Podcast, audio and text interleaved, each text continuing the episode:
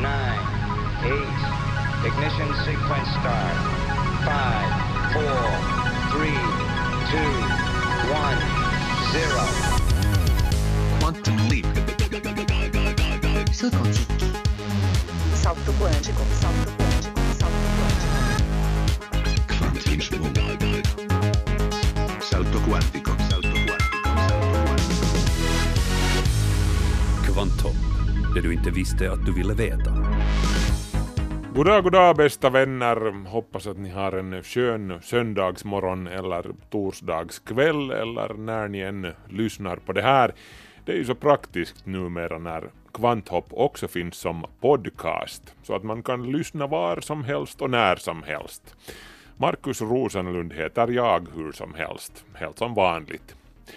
Som vi alla har märkt så har det ju snöat en hel massa den här vintern.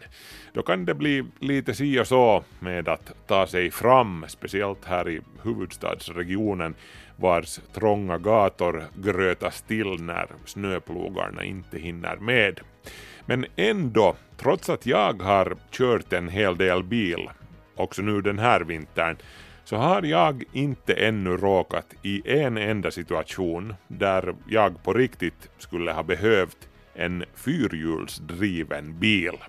Jag har kommit fram helt utmärkt med min framhjulsdrivna familjebil, har inte fastnat en enda gång. Jag skrev det här på Facebook och då var det genast flera karrar sannolikt ägare av just fyrhjulsdrivna bilar, som läste in kritik i det här, liksom att jag förebrår dem för att de har köpt en dyr skrytbil med en massa onödiga egenskaper. Det här är inte alls vad jag säger. Jag är mycket medveten om att många behöver fyrhjulsdrivna bilar på riktigt, eller rent av terrängbilar om man bor på landsbygden, kanske man är jordbrukare eller en myndighetsperson på utryckning. Visst, det är klart, och, och, varför inte också om man bor i stan? Man kanske behöver en sån i vissa situationer. Jag säger bara att jag inte har behövt fyrhjulsdrift hittills åtminstone. Skulle jag ha hostat upp de där extra tusenlapparna som fyrhjulsdriften kostar i butiken, då skulle jag ha fått den där lilla extra tryggheten i riktigt dåligt före. Men de övriga dagarna, de cirka 360 dagarna om året då väglaget är helt okej okay och fyrhjulsdrift på riktigt är onödigt, för mig, då skulle jag ha kört omkring och förbrukat en massa bensin i onödan. För fyrhjulsdrift innebär mer friktion i bilen, det är massvis med extra rörliga delar och vikt och det kostar när man står vid bränslepumpen. Kanske jag ångrar mitt prat imorgon när jag eventuellt kör fast i sörjan med min framhjulsdrivna bil. Kanske, vad vet jag. Nåjo, det om det. I den här veckans kvanthopp ska vi uppmärksamma det periodiska systemet, universums innehållsförteckning, som fyller 150 år. Vi ska också höra om vad som hände med Aalto 2, Finlands första satellit, som mötte sitt öde i skyn ovanför USA den här veckan. Men vi inleder med notiser.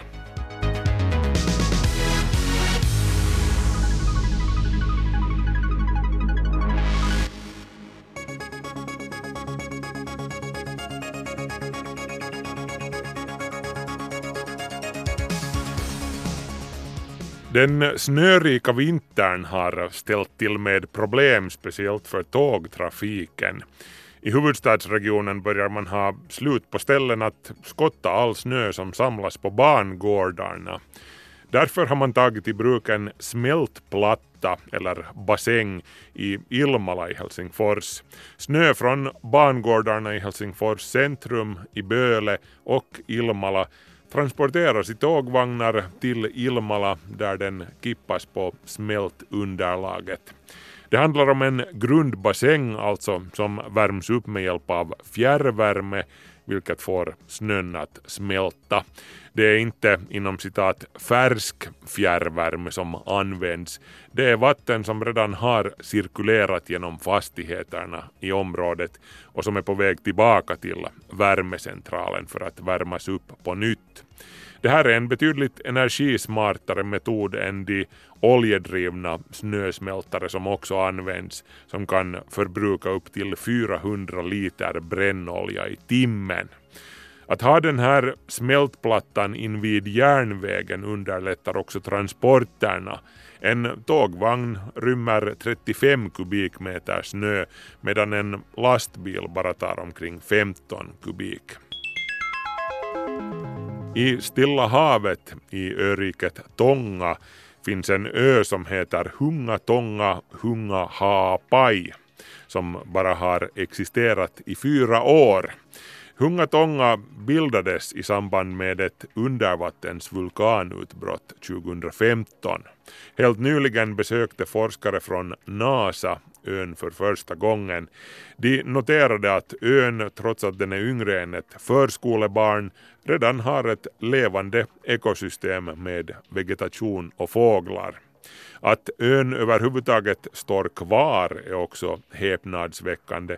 Öar som bildas från vulkanutbrott brukar bara klara sig några månader innan de rasar tillbaka i havet. Hungatonga är tillsammans med isländska Surtsey en av endast tre nybildade öar som har lyckats bli kvar ovanför vattenytan under de senaste 150 åren. Också Hunga Tonga eroderade kraftigt under de första sex månaderna men stabiliserades sedan. NASA-forskarna tror att det kan bero på att havsvattnet tillsammans med den vulkaniska askan förvandlar den mjuka vulkaniska stenen till ett hårdare material. Men senast om 30 år är den hur som helst borta, tror forskarna. BBC rapporterar att rymdteleskopet Hubble har spanat in någonting som beskrivs som en kufisk liten galax, alltså en anhopning av stjärnor på vår egen kosmiska bakgård så att säga. Galaxen som har fått namnet Bedin 1 efter sin upptäckare, italienaren Luigi Bedin, ligger 30 miljoner ljusår bortom vår egen galax Vintergatans ytterkant. Den är alltså ganska närbelägen mätt enligt kosmiska mått. Bedin 1 är, e, till skillnad från Vintergatan som alltså är en stor spiralgalax, en sfärisk liten dvärggalax. 30 gånger mindre än Vintergatan är Bedin 1 och tusen gånger ljussvagare. Det som gör Bedin 1 kufisk är att den är oerhört gammal. Dess ålder uppskattas till cirka 13 miljarder år, vilket får astronomerna att beskriva den som ett levande fossil från det tidiga universum. Big Bang, ursmällen som gav upphov till vårt universum, inträffade för 13,8 miljarder år sedan och den mystiska lilla fossilgalaxen på vår kosmiska bakgård är alltså bara lite yngre än själva universum. Så kan vi ännu komma med en god nyhet till alla er som ofta skriver saker online som ni nästan omedelbart ångrar att ni sa det. Facebooks meddelandetjänst Messenger har nu i dagarna försetts med en funktion som gör det möjligt för användaren att ta tillbaka sända meddelanden inom 10 minuter från att de har skickats. På det här sättet vill Facebook minska på risken för pinsamma situationer som uppstår då ett privat meddelande av misstag slinker iväg till helt fel mottagare till exempel, eller då man gör ett pinsamt skrivfel som får en att rodna. Kvar blir bara ett meddelande om att användaren har avlägsnat inlägget. En helt smart egenskap men fortfarande så är det ju ännu smartare att tänka efter två gånger innan man trycker på sänd, speciellt klockan tre på morgonen.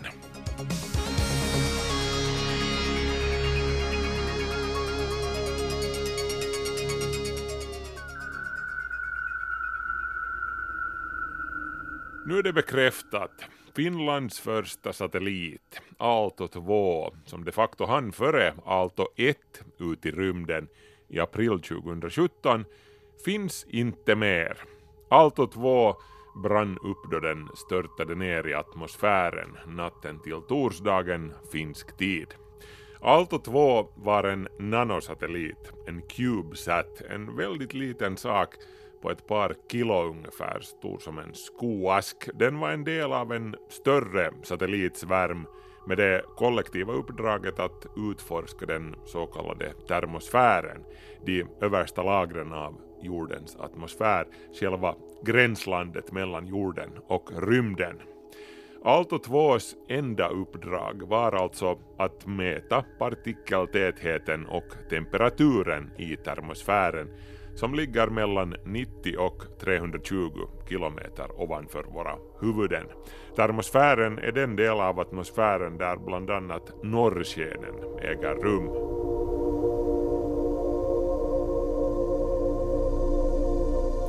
Men tyvärr misslyckades Aalto 2 i sitt uppdrag.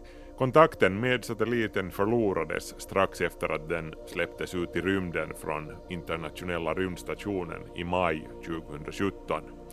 Och natten till torsdagen kring midnatt föll Aalto 2 som sagt slutligen ner i atmosfären och brann upp. Det här baserat på data från USAs luftförsvarscentral NORAD. Den lilla satelliten var hur som helst inte tänkt att fungera mer än i ungefär ett halvår eller så. Eftersom en så liten satellit inte har någon egen motor som kan höja banan vid behov så saktas dess fart hela tiden ned på grund av friktionen från spridda luftpartiklar i den övre atmosfären. Det här får satellitens bana att sjunka med tiden och för Aalto 2s del så blev motståndet så stort att den till slut bromsade in och föll ner mot jorden och brann upp. Ingenting av en så liten satellits massa klarar sig ända ner till jordytan, sade professor Jan Prax från Aalto-universitetet då Yles AMU-TV ringde upp honom. Se tuhoutuu ihan täysin kokonaan, että sieltä jää vain pieni välähdys ää, tota, taivaalle ja koska meidän laskelmien mukaan se välähdys tapahtui eilen Amerikan Yhdysvaltojen taivaalla keskellä päivää, niin sitä ei todennäköisesti kukaan myöskään nähnyt. Eli tosiaan nämä pienet satelliitit, kun ne ilmakehään iskee, niin ne palaa ihan kokonaan kuin pienet, ää, pienet meteorit. Aalto 2 mötte alltså sitt öde i atmosfären ovanför USA. Det här hände mitt på dagen lokal tid så det kärnfall som uppstod, den ljusglimt som återinträdet i atmosfären skapade, syntes knappast för någon, säger Jan Prax. Aalto 2 var alltså utvecklad och konstruerad i undervisningssyfte av studerande på Aalto-universitetet i Otnäs under den estlandsbördige professor Jan Prax ledning. Prax konstaterade då Yles AMU-TV ringde upp honom att projektet trots allt kan ses som en framgång i och med att man lyckades få upp satelliten i rymden vilket var det första och främsta målet med projektet. Projektin päämäärä olikin suurelta osin myöskin kouluttaminen ja kansainväliset yhteydet ja se päämäärä ää, saavutettiin kirkkaasti. Dessutom så har man kunnat utnyttja erfarenheterna från Aalto 2 till inte mindre än fem nya mikrosatelliter som är under konstruktion just nu, som till exempel Aalto 3 som är tänkt att avfyras nästa år. Allt det här har redan lett till att en mängd värdefull kunskap har samlats i Otnäs. En helt ny företagspark med uppstartsföretag har vuxit upp kort sagt, så att Finland redan har vunnit på det hela också om man tar i beaktande Aalto 2-projektets prislapp på några hundratusen euro. Inte ens ett eventuellt misslyckande med Aalto 2 kan ändra på den saken, sade Jan Prax redan i april 2017 då jag träffade honom. Han var redan då nöjd med det som man hade uppnått, oavsett hur det går sedan. Mutta ehkä suurin hyöty kuitenkin nyt Suomessa tästä satelliitista on jo saatu, ja se on nimenomaan näiden ähm, tämän uuden sukupolven kouluttaminen. Eli uusi sukupolvi on nyt jo lähtenyt, lähtenyt tästä koulupenkiltä. Ne osaavat rakentaa satelliitteja. Siellä on perustettu jo ää, monta yritystä, jotka rakentaa näitä satelliitteja tulevaisuudessa. Eli se osaaminen on saatu Suomeen, se kokemus on saatu Suomeen, ja siinä mielessä, tota, vaikka se satelliitti menetettäisiin, niin suuri osa meidän tavoitteista on kuitenkin täyttä täytetty. Vi har tack vare Aalto-satelliterna nu en ny generation som kan och vill bygga satelliter. Så vad som än händer härnäst så har målet med Aalto 1 och 2 redan uppnåtts, säger Prax. Han tror hur som helst att vi bara har sett början på en riktig satellitrevolution där små men ytterst kapabla och mångsidiga och framförallt billiga nanosatelliter på ett par kilo blir allt vanligare och där kommer finsk teknik att spela en viktig roll, tror Prax. Speciellt tack vare en innovation som finns med på Aalto 1-satelliten, det elektriska solseglet. Alto 1 är försedd med långa, väldigt tunna aluminiumtrådar som spolas ut ur satelliten då den roterar och de blir som ekrarna i ett hjul liksom. Och genom de här trådarna leder man sedan en 1000 volts elström och det här får laddade partiklar från den omgivande rymdens plasma att fastna i de här trådarna. Och man kunde alltså använda det här som ett segel för att bokstavligen segla med solvinden men Aalto 1 kommer att använda det som en broms eller som en fallskärm. No se on tärkeää sen takia, että jos Aalto 1 on kuitenkin 600 kilometrin radalla, niin sen elinikä siellä olisi tosi pitkä, eli se jäisi sinne avaruusromuna kiertämään yli kymmeneksi vuodeksi. Nyt jos me saadaan se kelattua ulos se lanka sieltä satelliitista, niin me voidaan lyhentää sen satelliitin kiertoradalla olemisen aikaa todennäköisesti vaan muutamiin vuosiin. Mm. Ja se tarkoittaa sitä, että meidän satelliitti ei jää avaruusromuksi ja toivoa on, että tämän tyyppisellä laitteella voidaan sitten tulevaisuudessa saada radalta alas myös isompia satelliitteja. Alto 1 kommer att kretsa på 600 kilometers höjd över jorden. Satelliter på den höjden tenderar att ta väldigt god tid på sig med att sakta in och trilla ner. Så de blir i värsta fall där och skräpar i tio år efter att deras uppdrag är slutfört. Men det här kan vi alltså eliminera med hjälp av det elektriska solseglet som alltså är utvecklat av forskaren Pekka Janhunen vid Meteorologiska institutet i Helsingfors. Och det här är bara början på alla möjligheter som den här uppfinningen bäddar för, säger professor Jan Prax, som tror att man en dag kommer att kunna segla till Mars och det yttre solsystemet på rekordtid och rekordbilligt tack vare det elektriska solseglet. Sähköpurjet tosiaan voisi mullistaa esimerkiksi aurinkokunnan sisällä lähetettävät luotaimet ihan kokonaan, kun me päästäisiin paikasta toiseen eri planeetoille ää, täysin uudella tavalla, yhtä halvalla kuin nykyään, tai jopa paljon halvemmalla, mutta huomattavasti nopeammin. För rymdsonden Voyager tog det nästan 40 år att nå solsystemets utkant. Med Pekka Janhunens solsegel kunde man tillryggalägga samma distans på bara drygt 10 år. Finländsk rymdteknik kan alltså komma att revolutionera rymdresorna inom solsystemet, tror Prax. Vi får inte glömma att Finland är väldigt bra på avancerad rymdteknik, elektronik, sensorer och liknande. De finns i så gott som alla viktiga rymdsonder och marskrypare och annat som kryssar omkring där ute i solsystemet just nu. Att ha en egen satellit har helt enkelt aldrig känts som någonting värst viktigt för de pragmatiskt lagda finländarna, säger Estlandsbördige Jan Prax. Estland fick ju sin egen satellit ut i rymden för några år sedan. Mutta tosiaan ehkä sen oman satelliitin ähm, rakentaminen ja merkitys ei ole ollut tota, niin suuri. Suomalaiset pragmaattisena kansana on tehnyt kyllä tota, erittäin hienoja avaruusmissioita omilla laitteilla, joita on pitkin aurinkokuntaa jo tällä hetkellä. Kvanthopp, det du inte visste att du ville veta.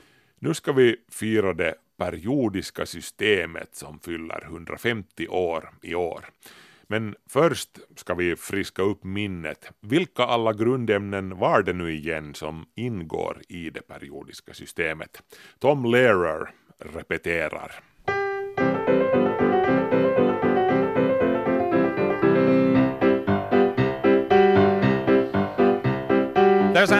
Arsenic, aluminum, selenium, and hydrogen and oxygen and nitrogen and rhenium, and nickel, neodymium, neptunium, germanium, and iron, americium, ruthenium, uranium, europium, zirconium, lutetium, vanadium, and lanthanum, and osmium, and astatine, and radium, and golden protactinium, and indium, and gallium, and iodine, and thorium, and thulium, and thallium. There's yttrium, ytterbium, actinium, rubidium, and boron, gadolinium, niobium, iridium, and strontium, and silicon, and silver, and samarium, and bismuth, bromine, lithium, beryllium, and barium.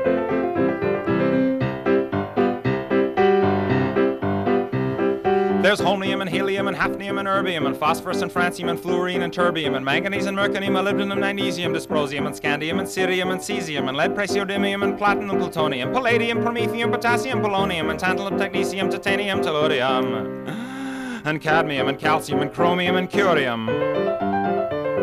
There's sulfur, californium, and fermium, berkelium, and also mendelevium, einsteinium, nobelium, and argon, krypton, neon, radon, xenon, zinc, and rhodium, and chlorine, carbon, cobalt, copper, tungsten, tin, and sodium. These are the only ones of which the news has come to Harvard. And there may be many others, but they haven't been discovered. Har du en smart telefon i fickan? Klart du har det. Plocka fram den och ta en närmare titt på den. Du kanske inte har tänkt på det, men i den här obemärkta svarta glasklädda rektangeln bär du med dig en duktig andel av alla grundämnena i det periodiska systemet. Drygt 30 stycken finns det i en sån här smarttelefon, närmare bestämt. Fast det här är ju småpotatis jämfört med din egen kropp. Den mänskliga kroppen den innehåller inalles cirka 60 olika grundämnen även om nästan 99 procent av massan i din kropp domineras av sex stycken grundämnen. Syre, kol, vete, kväve, kalcium och fosfor. Av den återstående ena procenten består 0,85 procent av kalium, svavel, natrium, klor och magnesium.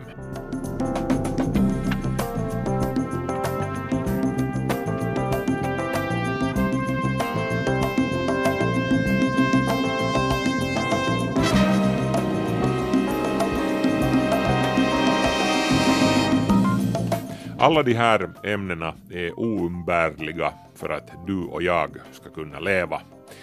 Men de här utgör ännu bara inalles 12 grundämnen. De återstående dryga 40 grundämnena i våra kroppar finns det bara pyttesmå mängder av. Vi snackar om spårämnen här, men de finns där. Och alla de här ämnena, både i dig själv och din smarttelefon, finns ju prydligt och elegant uppradade i tabellen som vi alla har lärt oss som rinnande vatten redan i skolan. Eller nåja, nå, hur som helst, det periodiska systemet.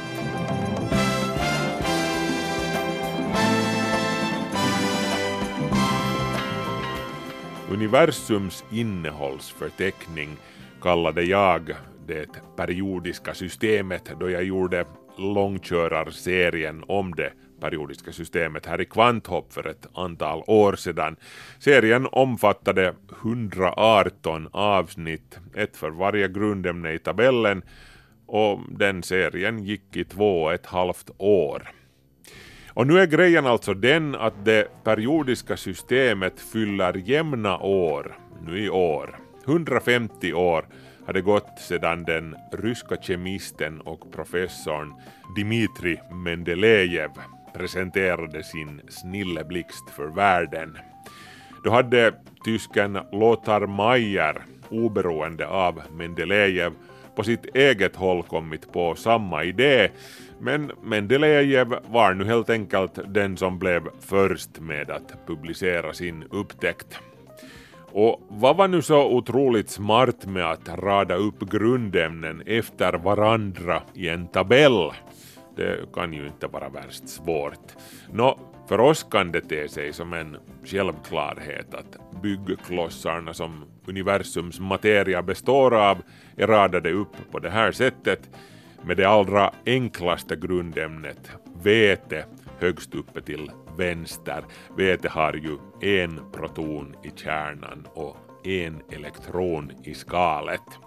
Efter vete kommer helium med två protoner och två elektroner sedan litium med tre protoner och tre elektroner och så vidare och så vidare i stigande ordning, rad för rad, ända ner till tungviktaren Oganesson längst ner till höger.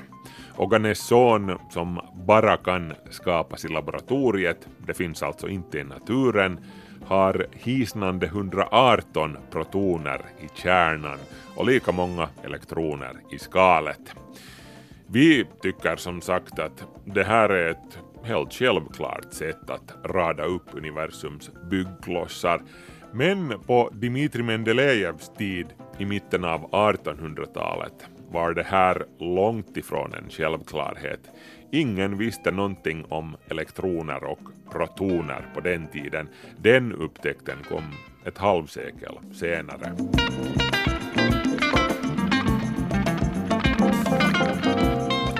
Så Mendelejevs idé var inget mindre än revolutionär.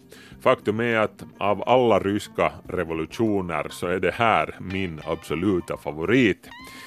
Det periodiska systemet är nämligen mycket mer än bara en lista över de grundämnen som vi känner till, inalles 118 stycken, alltså till dags dato. Det periodiska systemet är ett sätt att kategorisera dem och sätta in de enskilda grundämnena i sina sammanhang, för det existerar ett sammanhang. Mendelejevs chockerande aha-upplevelse var att det finns ett mönster i systemet som upprepar sig, en periodicitet helt enkelt, i grundämnenas kemiska egenskaper som bestämmer hur de reagerar med andra grundämnen. Grundämnena i den periodiska tabellen är indelade i grupper. Det är de lodräta raderna då vi talar om här. Och i perioder, vilket motsvaras av de vågräta raderna.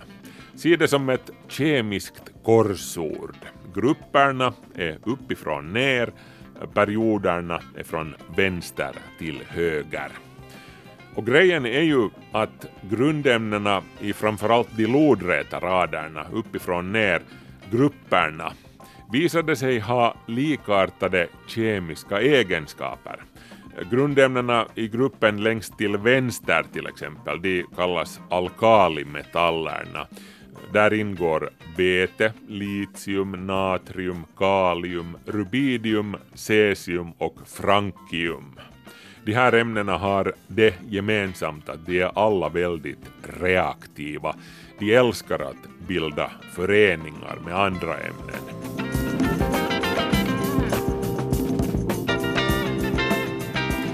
Gruppen längst till höger sedan då, där har vi ädelgaserna. Där ingår helium, neon, argon, krypton, xenon, radon och oganeson.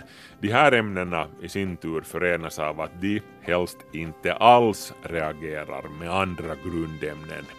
Orsaken till att grundämnen från olika grupper har gemensamma sätt att reagera med andra grundämnen. Det känner vi till idag. Det har att göra med hur många elektroner en atom av ett visst grundämne har i sitt yttersta elektronskal. Vi talar om valenselektroner.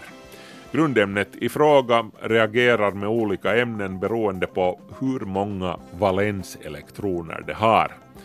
Ta nu till exempel de redan nämnda alkalimetallerna, gruppen längst till vänster i det periodiska systemet.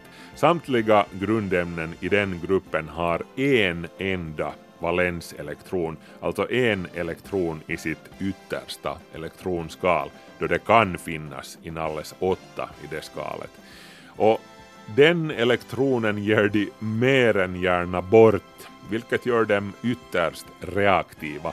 Då bildar de positiva joner eftersom de positivt laddade protonerna i kärnan blir i majoritet då en negativt laddad elektron försvinner.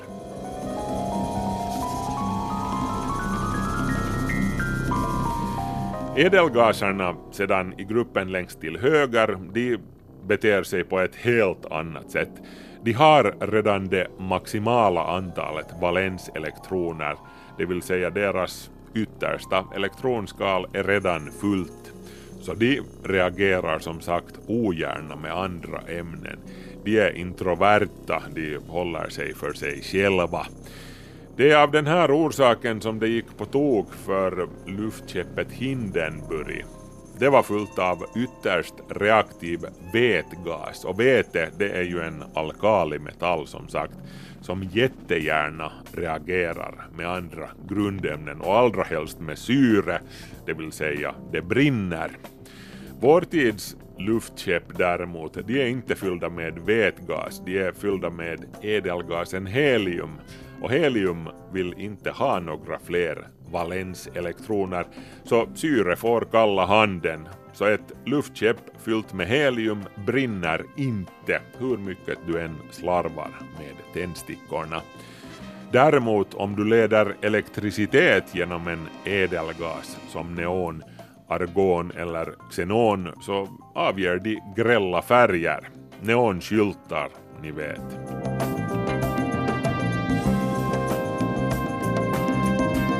Hur som helst, det här att grundämnena i de olika lodräta raderna i den periodiska tabellen ofta har liknande egenskaper.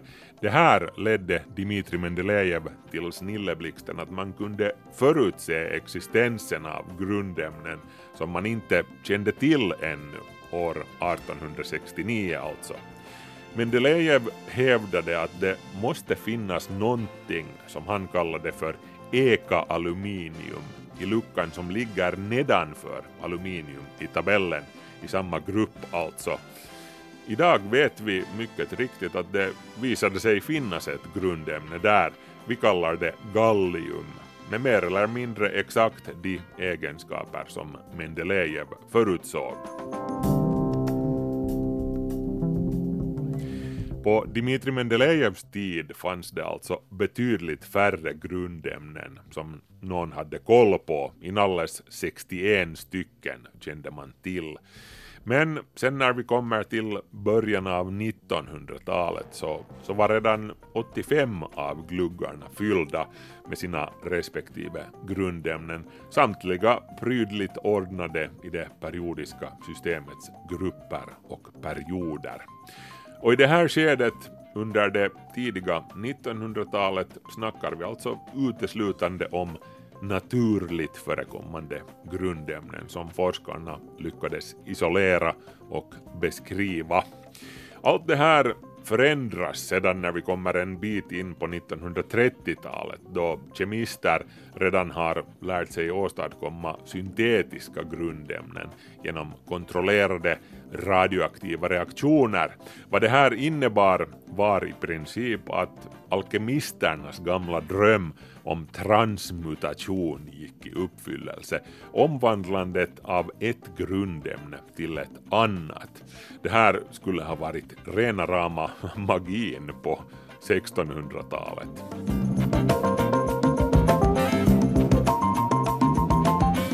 Till dags dato har 24 nya syntetiska grundämnen skapats i laboratoriet. De huserar samtliga i raderna längst ner i det periodiska systemet. Och också då man lyckas skapa dem så existerar de inte mer än i någon bråkdels sekund innan de faller sönder i lättare grundämnen. Så hejdlöst instabila, alltså radioaktiva, är de. Och de har sällan några praktiska tillämpningar heller. Det handlar mer om att man försöker se hur många protoner man kan bulta ihop i en och samma atomkärna. Lite som att se vem som kan bygga det högsta tornet av legoklossar.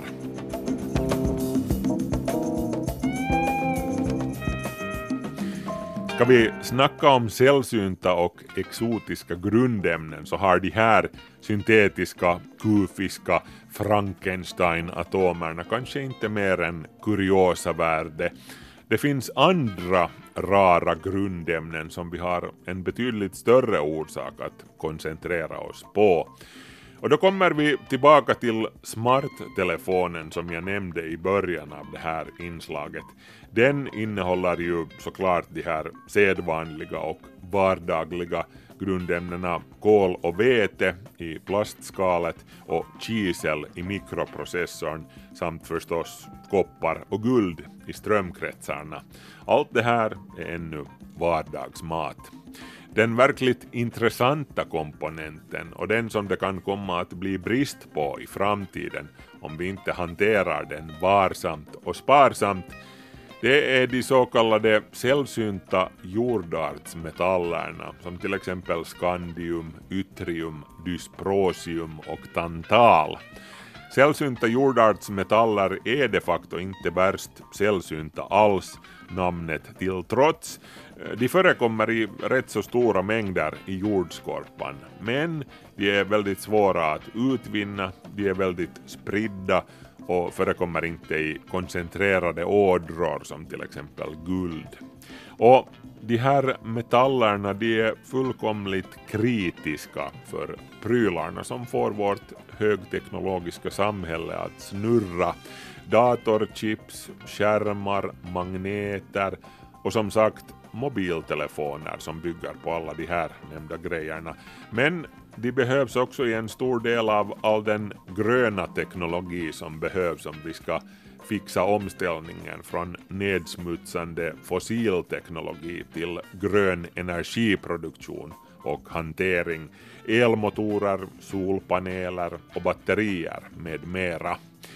Det är ofta väldigt små mängder det handlar om, men de spelar en desto större roll och många av de här nyckelkomponenterna betraktas numera som inom citat utrotningshotade grundämnen. Det vill säga, det kommer att bli brist på dem om vi inte hushållar lite bättre med dem. Indium till exempel, en nyckelkomponent i pekskärmar, finns det bara för några årtiondens behov med nuvarande konsumtion. Varje månad byts det ut omkring 10 miljoner mobiltelefoner, bara inom EU, och långt ifrån alla gamla lurar går till återvinning. Och det här kan betyda stora problem längre fram.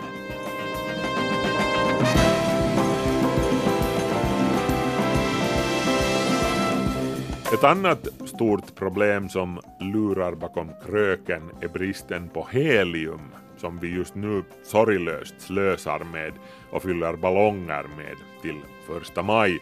Helium spelar en otroligt viktig roll, bland annat som kylmedel för de superkraftiga magneter som driver magnetkamerorna på våra sjukhus.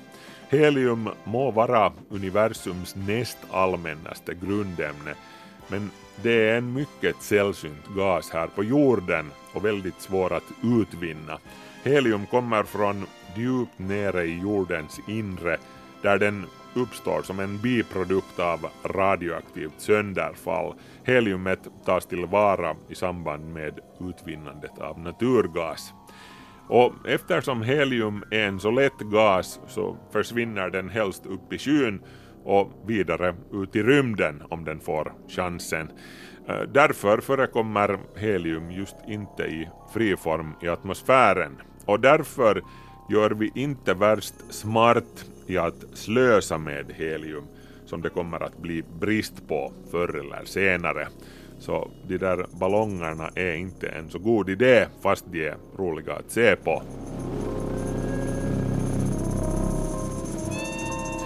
För att uppmärksamma det här bland annat och som en del av firandet av det periodiska systemets 150-årsjubileum har det europeiska kemistsällskapet EUKEM gett ut en specialversion av det periodiska systemet där de olika grundämnenas rutor har olika storlek beroende på hur mycket av dem det finns tillgängligt här på jorden.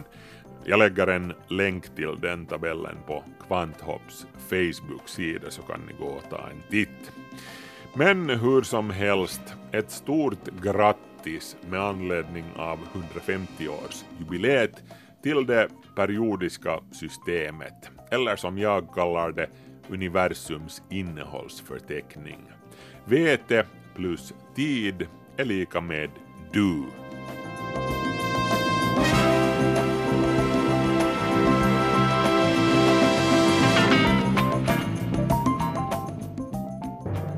And now, ASAP Science presents the elements of the periodic table. There's hydrogen and helium, then lithium, beryllium, boron, carbon everywhere, nitrogen all through the air with oxygen so you can breathe, and fluorine for your pretty teeth, neon to light up the sign, sodium for salty times, Magnesium, aluminium, silicon, phosphorus, then sulfur, chlorine, and argon, potassium, and calcium so you'll grow strong. scandium, Titanium, vanadium, and chromium, and manganese. This is the periodic table. Noble gas is stable. Halogens and alkali react aggressively.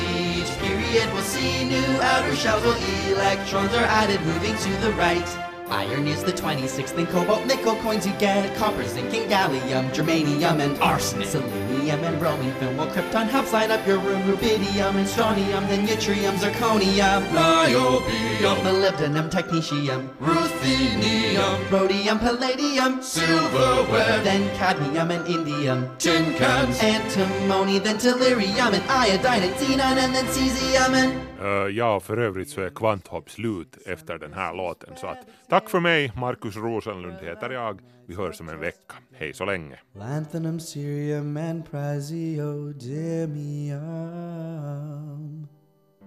Neodymium's next to promethium, then 62 samarium, europium, gadolinium, and terbium, dysprosium, holmium, erbium, thulium, ytterbium, lutetium. Hafnium, tantalum, tungsten, then we're on to rhenium, osmium, and iridium, platinum, gold to make you rich till you grow old, mercury to tell you when it's really cold, thallium, and lead, the bismuth for your tummy, polonium, astatine would not be yummy, radar, francium will last a little time, radium, then actinize at 89. This is periodic table. Noble gas is stable. Halogens and alkali react aggressively. Each period will see new outer shells where electrons are to the right. Actinium, thorium, protactinium, uranium, neptunium, plutonium, americium, curium, berkelium, californium, isonium, fermium, and olivium, nobelium, lawrencium, rutherfordium, wm, sprigium, boreum, hesium, meitnerium, dubsidium, rucanium, copernicium, anatrium, flerovium, anapentium, livermorium, ananseptium, ananoctium, and then we're done.